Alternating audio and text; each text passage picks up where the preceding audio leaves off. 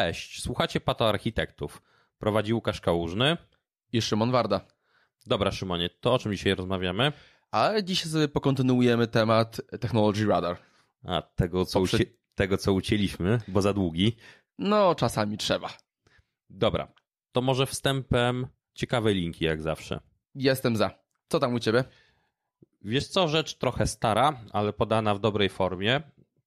Ostatnio sobie przeglądam różne narzędzia takie konsultacyjne, y, doradcze, bo trzeba czasami zwizualizować, w jakiś sposób coś ocenić.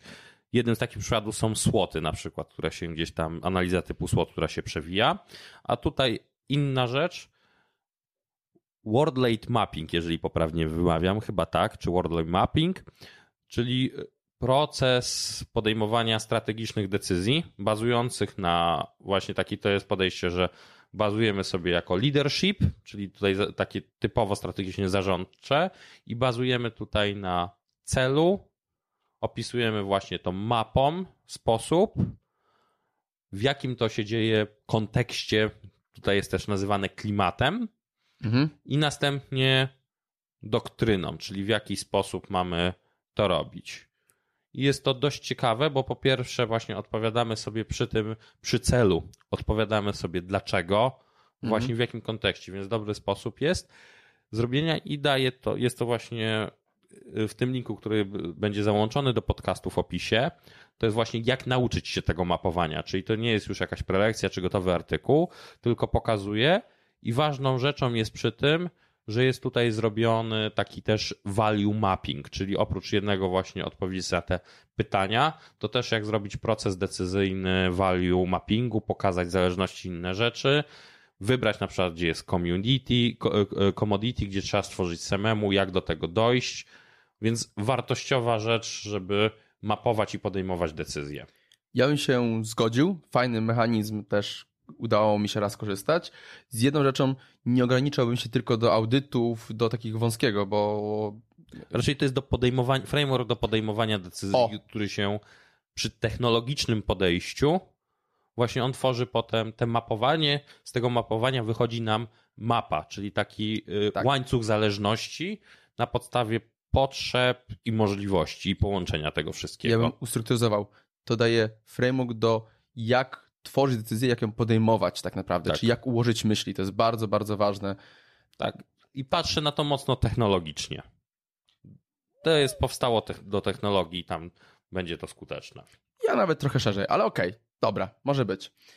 Dobra, to teraz ja się pochwalę jednym.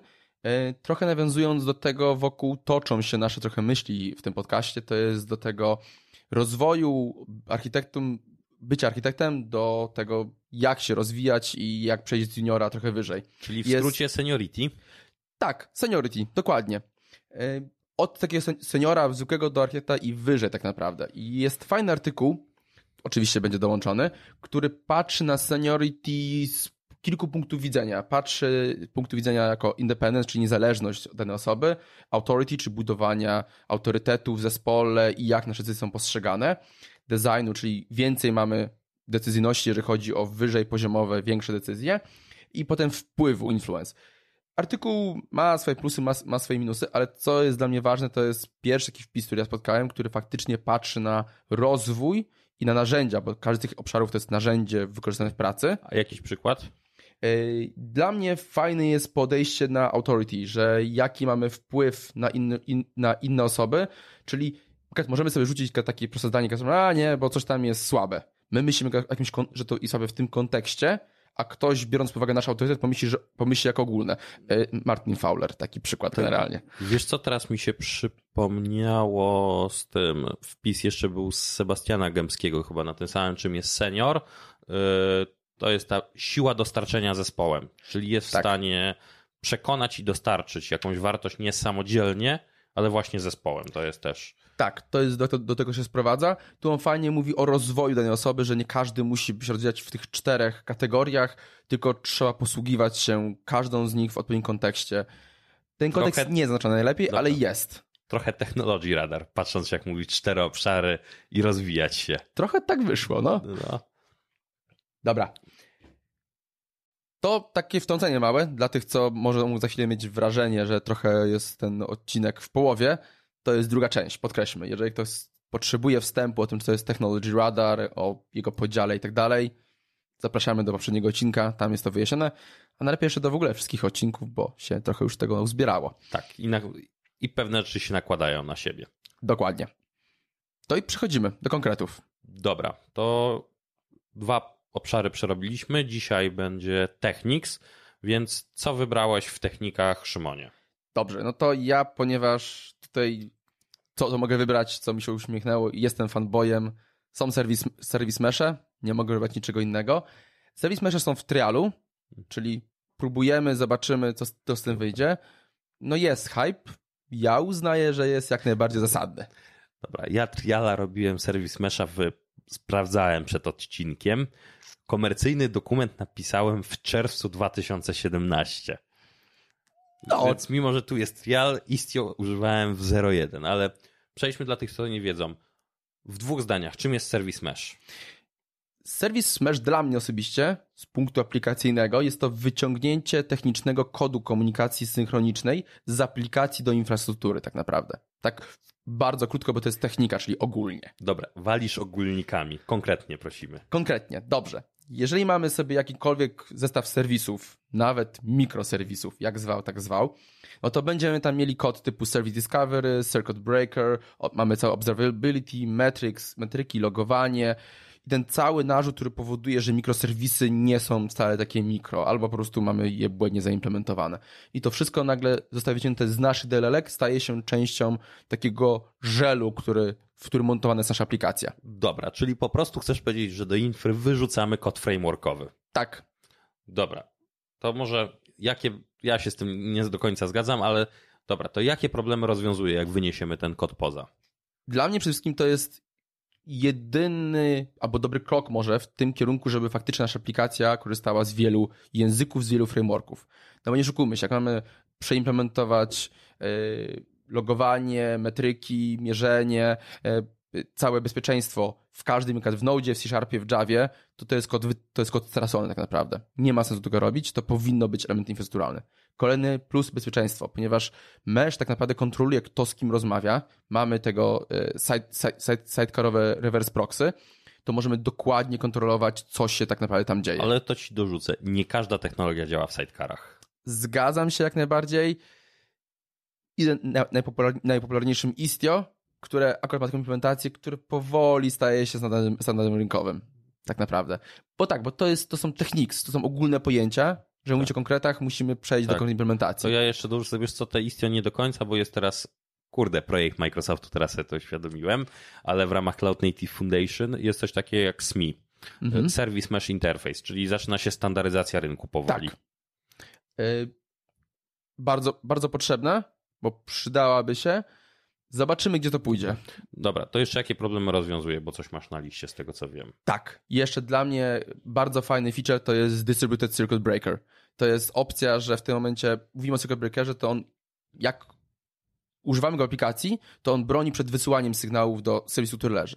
A taki realny Circuit Breaker, jak mamy w skrzynce yy, prądowej, to on broni przed zbyt dużym wejściem do aplikacji. I zaaplikowanie takiego circuit breakera w aplikacji, w kodzie aplikacyjnym jest ciężkie. A jeżeli mamy serwis mesha, to on kontroluje ruchem i może de facto na, do naszego serwisu nie dopuścić pewnego ruchu.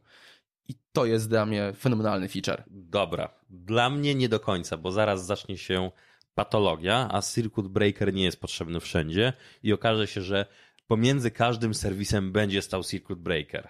Tak, tak, tak. Słyszałem to już parę razy od ciebie też kilka razy i ja mam takie podejście, że ci sami ludzie, którzy mówią, że nie potrzebują wszędzie circuit breakera, to są ci sami ludzie, którzy mówią, że nie potrzebują backupów. Bo ja nadal będę uważał, że nie wszędzie potrzeba. Backupów, rozumiem. Tak, backupów również. Dobra. Pogadamy za jakiś Dobra, czas. ja mam taki, jak słucham ciebie, mam troszeczkę inny, inną rzecz. To powoduje narzut na system, jednak na platformę, na której to odpalamy i to dość spory. Tak, panie platformowy.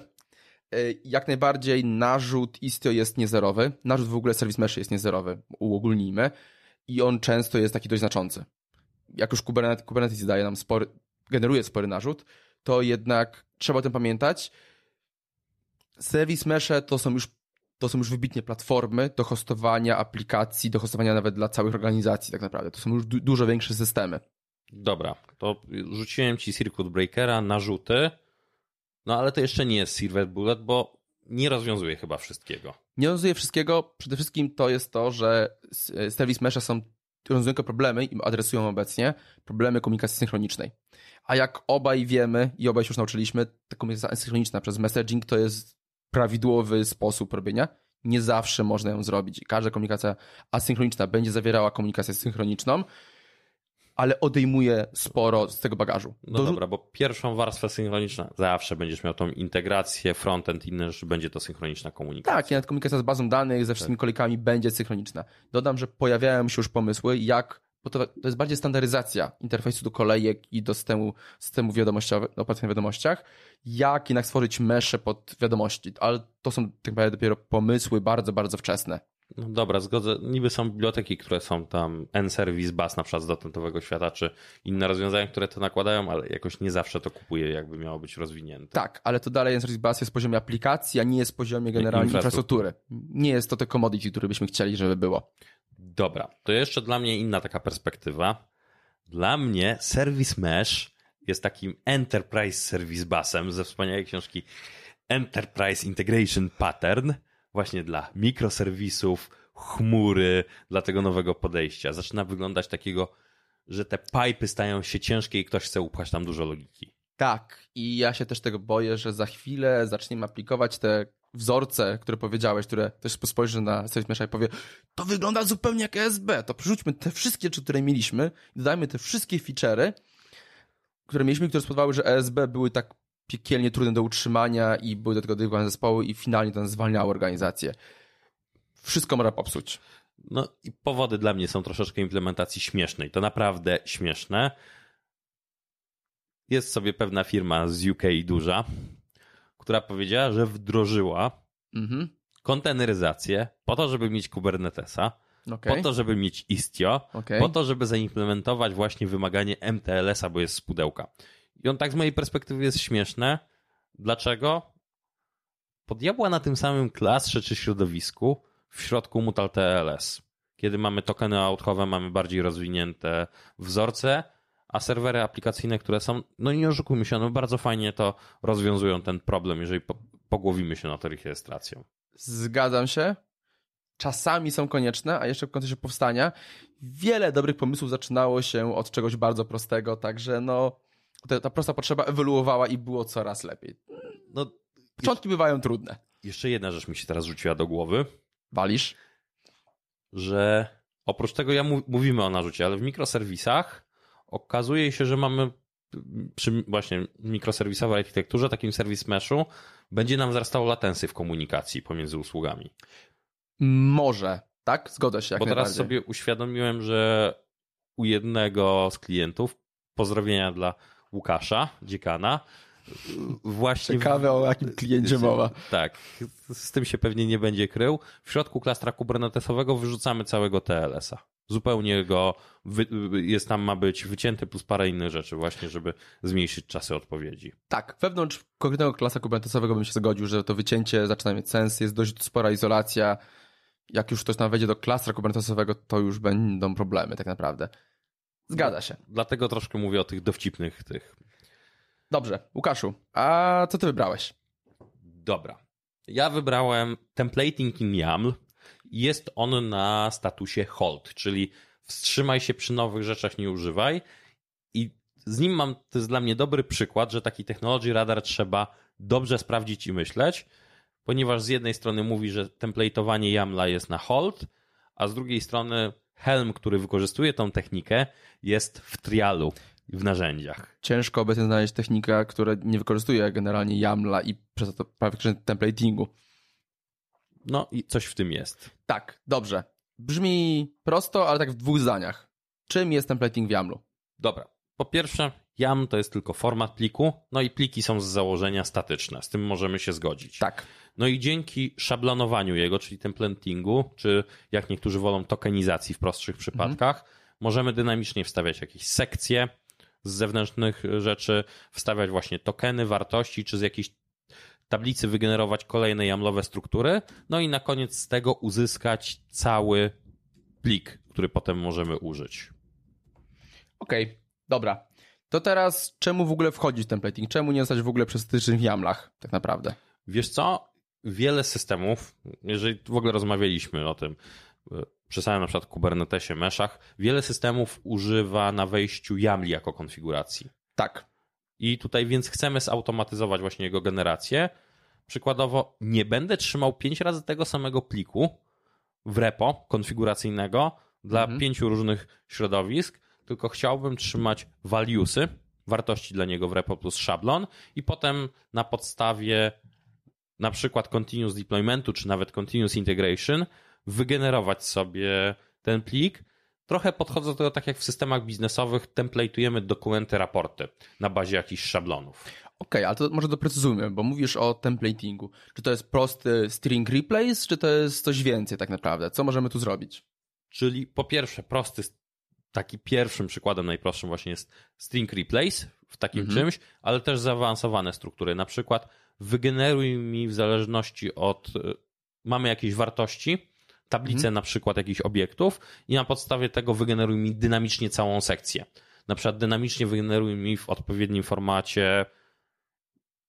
Szukając przykładu dobrego, mamy, w, to będzie teraz odwołam się do Helma, bo tam to dobrze wygląda.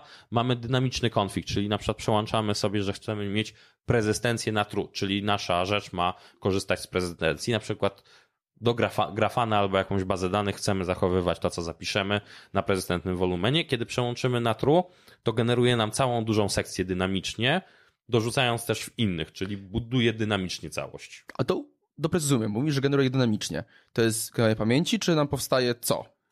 Y, generujemy, generujemy możemy zrobić dwa podejścia. Jeden generujemy sobie to dynamicznie w pamięci i aplikujemy do Kubernetesa. To może być jeden z przykładów. Drugim mhm. przykładem może to być w ramach CI-a. Możemy wygenerować plik i użyć go jako artefakt, czyli mamy nasz wejściowy template, dokładamy tego zmienne środowiskowe, że tak powiem, konfiguracyjne, do, dokładamy konfigurację, którą mamy w repo i generujemy sobie plik konfiguracyjny, który jest naszym artefaktem, który możemy zaaplikować. Właśnie jakiś manifest kubernetesowy, konfigurację jakiegoś y, narzędzia, y, narzędzia jakiegoś serwera aplikacyjnego, który jest właśnie opisywany w YAML. Okej, okay, brzmi sensownie. Jeżeli ten plik faktycznie potem mogę zobaczyć, jeżeli, jeżeli to jest artefakt deploymentu, jest ok.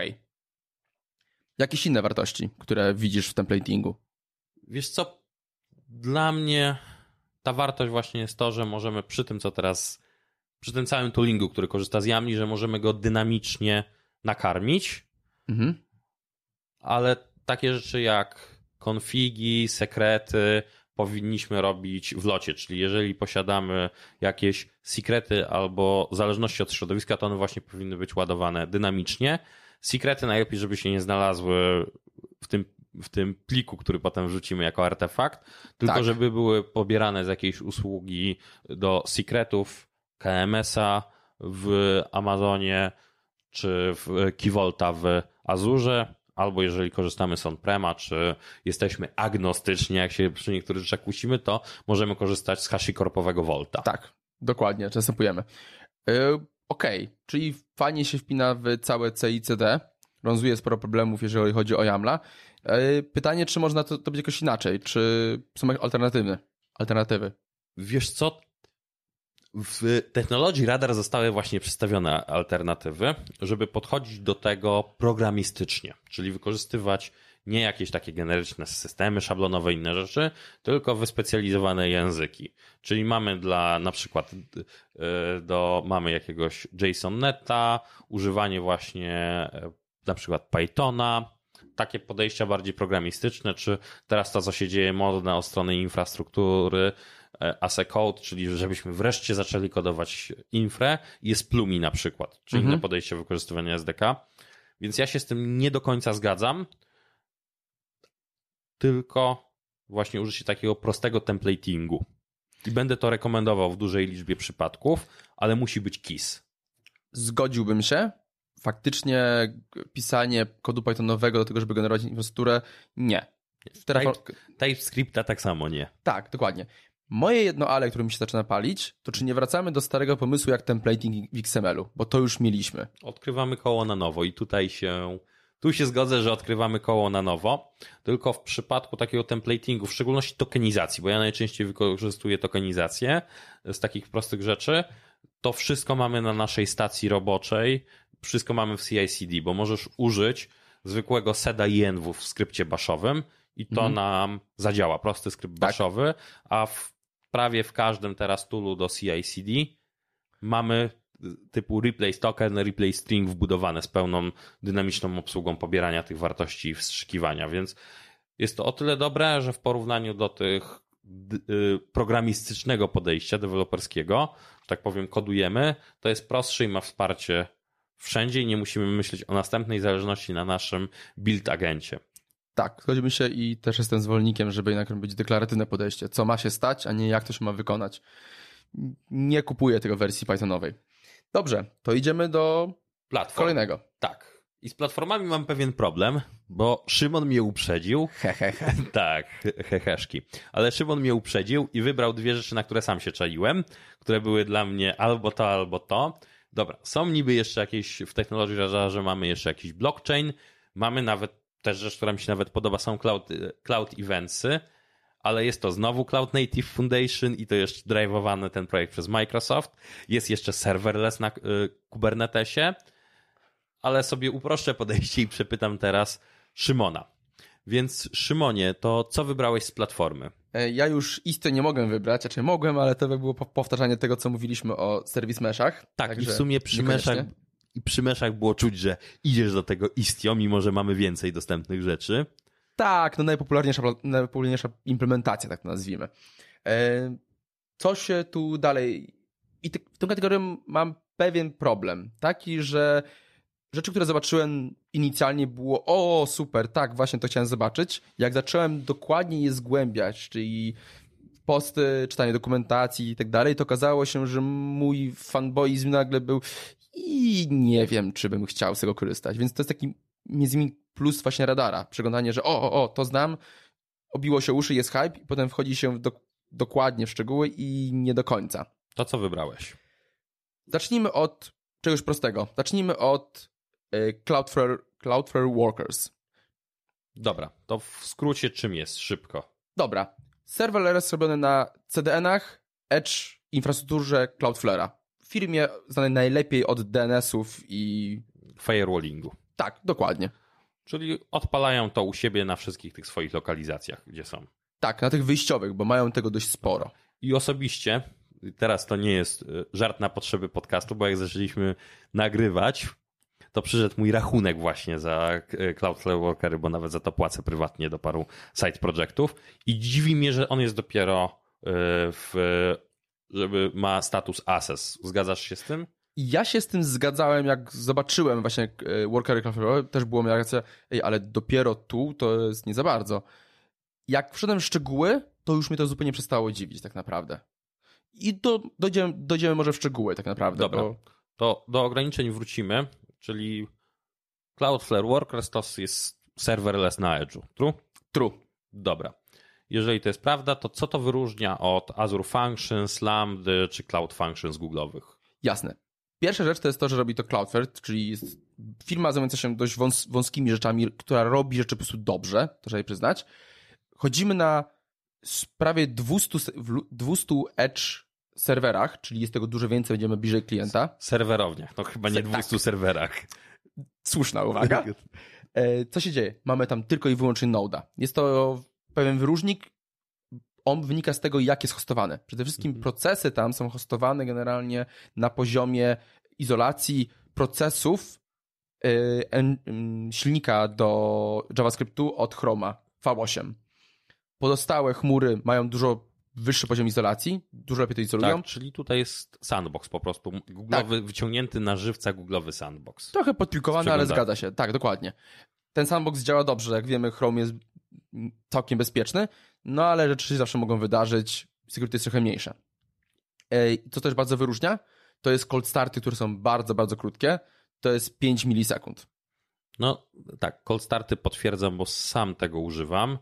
Dla mnie są takie są fajne zastosowania, bo powiedziałem, że płacę. Właśnie używam tego w roli infrastrukturalnej mocno, czyli robię na tym jakieś routingi, cache, walidację tokenów OAuth-owych, czy walidację requestów ogólnie. Ok, takie bardzo, wiem, że infrastrukturalne rzeczy. Tak, infrastrukturalne. Do tego by się może nadawało. Ale jak powiedziałeś o rachunku, to powiedzmy sobie o cenach generalnie. Bo... No właśnie powiedz, jak to kosztuje, bo ja znam swoją perspektywę, ale weź powiedz, jak ty to zbadałeś, jako tak. że ty miałeś to sprawdzić. Świat trochę w liczbach. E, oczywiście jak w każdej wersji mamy, mamy wersję za darmo, 1000 requestów na 10 minut za darmo e, i 100 tysięcy requestów przez 24 godziny. Całkiem ok. Jeżeli przechodzimy na wersję płatną, to mamy płatną, to jest za 5 dolarów miesięcznie, czyli no nie są to jakieś wielkie pieniądze, nie oszukujmy tak, się. Dlatego za to płacę sam. to już wiemy, czy to wybrałeś. I tam mamy 10 milionów wywołań i nie mamy już limitów czasowych tak naprawdę, więc cenowo jest w miarę ok, ale jak porównamy to z tymi milionami, które daje nam Azure albo AWS, to rewelacji nie ma aż takiej wielkiej. Tak samo podobne, jak, jak patrzę. Tak, podobne, dokładnie.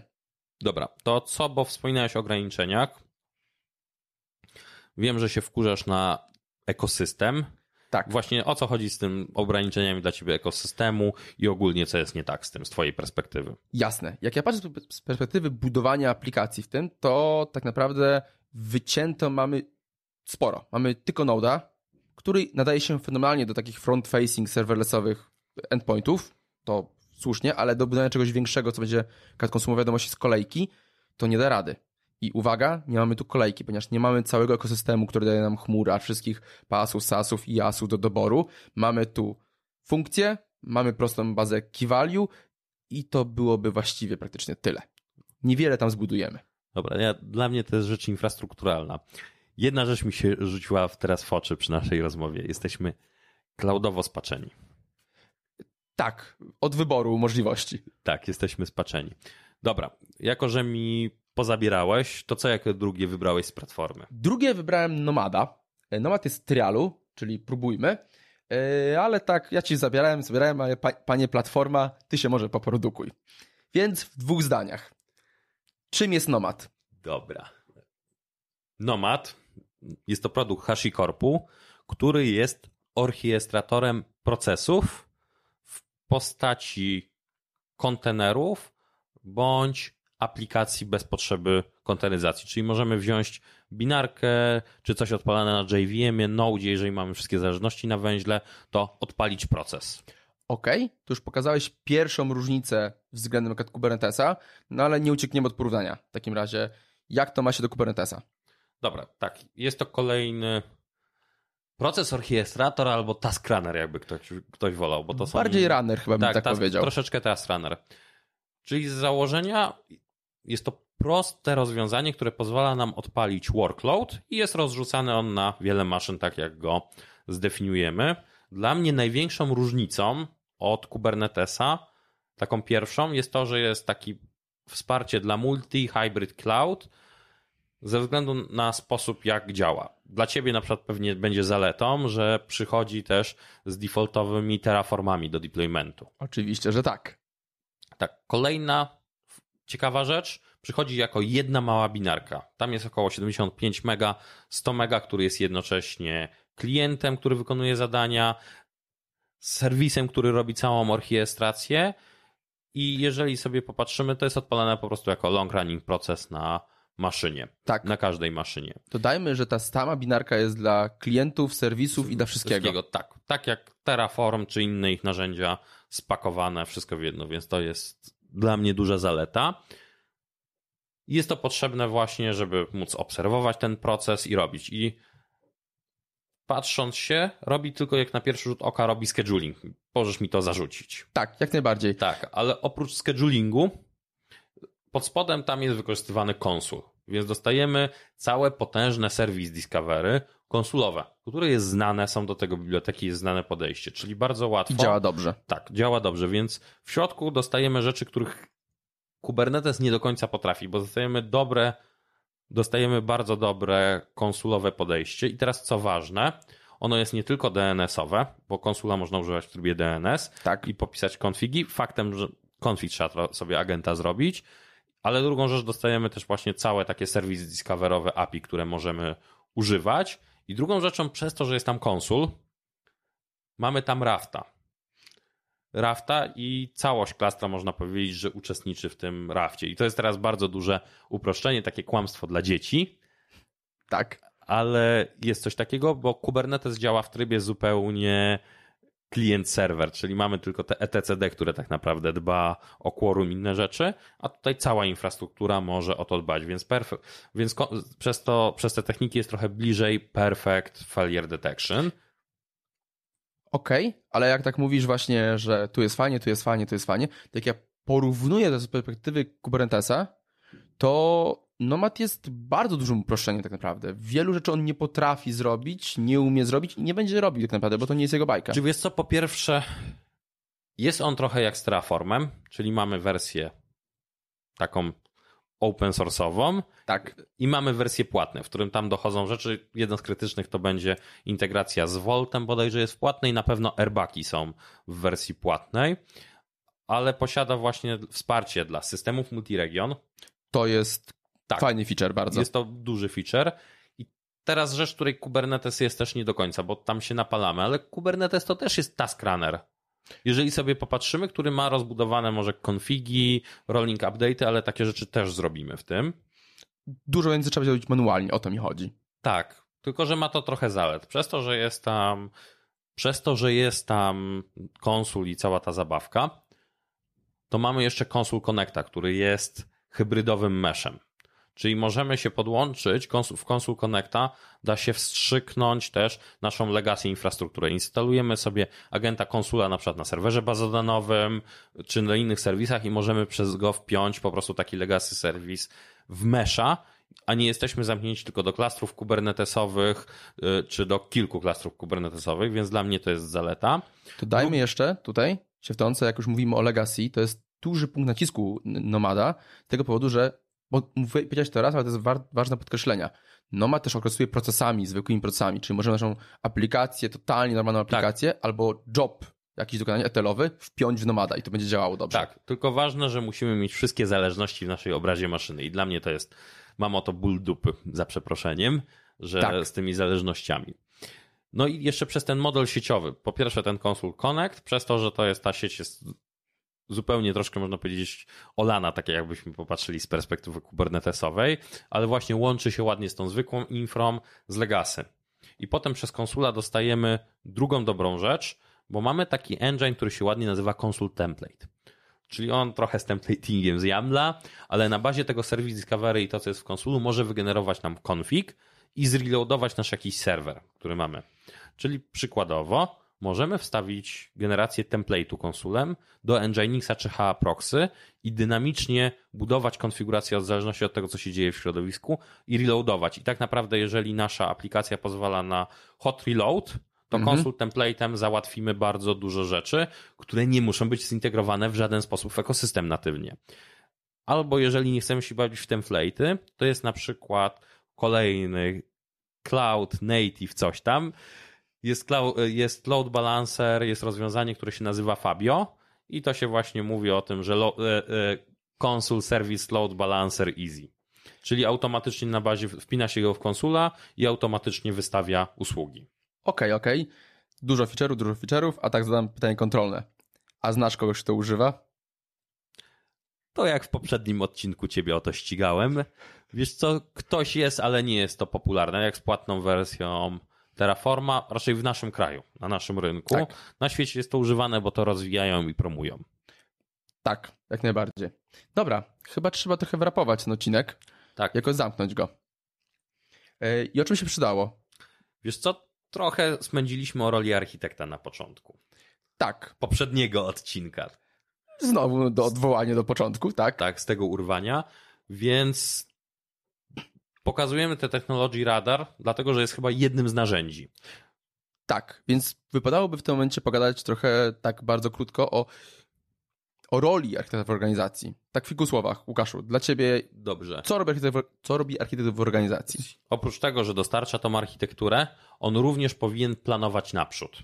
Wybierać też właśnie tooling, rozwiązania, właśnie naprzód potrzeb, jakie będą, a nie skupiać się tylko na tu i teraz. Okej, okay, to doprecyzujmy, bo w tym momencie takie myślenie naprzód z reguły się kojarzy z CTO. Wiesz to co, jak tak, się ma jedno ale drugiego? CTO wyznacza wizję i kierunek. Architekt jest osobą, która będzie tą wizję musiała i strategię implementować. To jest jedna z tych linii, które potem przechodzą do projektowania tej wizji, y, implementacji tej wizji. Uczestniczą już w implementacji, w walidacji, wybieraniu, jak zaimplementować tą wizję. Tak, tu bym się zgodził.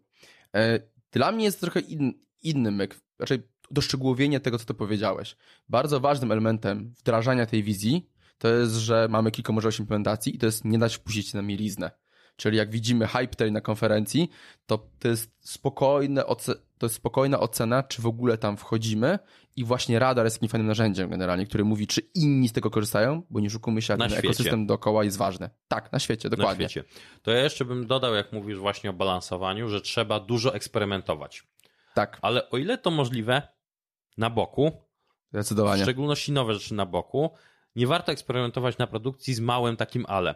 Czasami są usługi, w niektórych firmach widzę, że są usługi, które są notorycznie co roku przepisywane na inną technologię, bo znana jest funkcjonalność i można na nich przetestować, więc Tak. jeżeli można czasami wybrać usługę, która będzie bardzo dawała się sprawdzić pewne rzeczy na produkcji, ale jeżeli tego nie mamy, to są side projecty, eksperymenty, proof of concepty, robienie tego na boku, jako celowe właśnie, żeby wybrać, wyciągnąć wnioski, czy to się nadaje w tym momencie w naszym kontekście. Tak, ale dobrze, że wspomniałeś o jakichś serwisach, bo to jest cały myk, że trzeba umieć balansować między wchodzeniem w nowe projekty, nowe technologie, które mają narzut, bo jeszcze organizacja ich nie zna, a tak naprawdę budowanie wartości dla organizacji. Jakbyśmy tylko chcieli budować wartość dla organizacji w tym, tu i teraz, to byśmy cały czas używali techn- technologii sprzed 10 lat, bo koszt używania ich jest najniższy tak naprawdę, ale sobie na to nie możemy pozwolić, bo nasza firma stanie się za chwilę totalnie obsolit technologicznie. I kolejną rzeczą przez to wychodzącą z eksperymentów, właśnie z pozyskiwania tej wiedzy planowania, to też powinno być dzielenie się wiedzą, nie trzymanie jej dla siebie. To jest troszeczkę z Twoich tam opisów tego, co możemy zrobić yy, z, z tych ciekawych linków. Tak, seniority. Czyli, tak, seniority, czyli że ty, my tą wiedzą uczymy innych, przekazujemy ją dalej, propagujemy. Tak. I jakie są sposoby? Bo tego jest trochę. Jest taki technology radar. Tu jest robione w Fotworksa, ale można robić też wewnątrz, wewnątrz firmy. Są szkolenia, prelekcje, pobudzanie ludzi. To jest całe takie pracowanie właśnie miękkie w organizacji i budowanie wartości nie tylko przez siedzenie przy komputerze, przez kod, tylko budowanie kultury, jak ta organizacja dzieli się wiedzą. Tak, czyli naprawdę. Wymiana, wymiana wiedzy z innymi. No i czasami mówiliśmy o y, tym wcześniej jeszcze seniority, możliwości impaktu na pewne rzeczy. I właśnie taki architekt przez swoje seniority powinien to wykorzystywać. Czyli jeżeli nie ma tego, to próbować razem z team liderami, z menadżerami właśnie doprowadzać do takiej wymiany wiedzy w środku. Tak, dokładnie. Ale wydaje mi się, że cały temat roli architekta w ogóle, jak być architektem i co w tym, w tej roli robić, w tym zawodzie robić, to jest w ogóle chyba trochę dużo większy temat, więc teraz Tak. nie ma sensu go rozgrzebywać. Tak, jest szeroki, no a te pozyskiwanie i dzielenie się wiedzą to jest jeden z takich elementów. Tak, dokładnie. Dobrze, to chyba temat zawieszamy, może do niego wrócimy i kończymy. Tak, kończymy. A jeżeli jesteście ciekawi na roli architekta, to dajcie znać, czy mamy się teraz nad tym tematem zajmować, czy może chcecie, żeby poruszyć coś konkretnego z takich obszarów. Tak, dokładnie. Sugestie zawsze są mile widziane. Dobra, na razie. Na razie.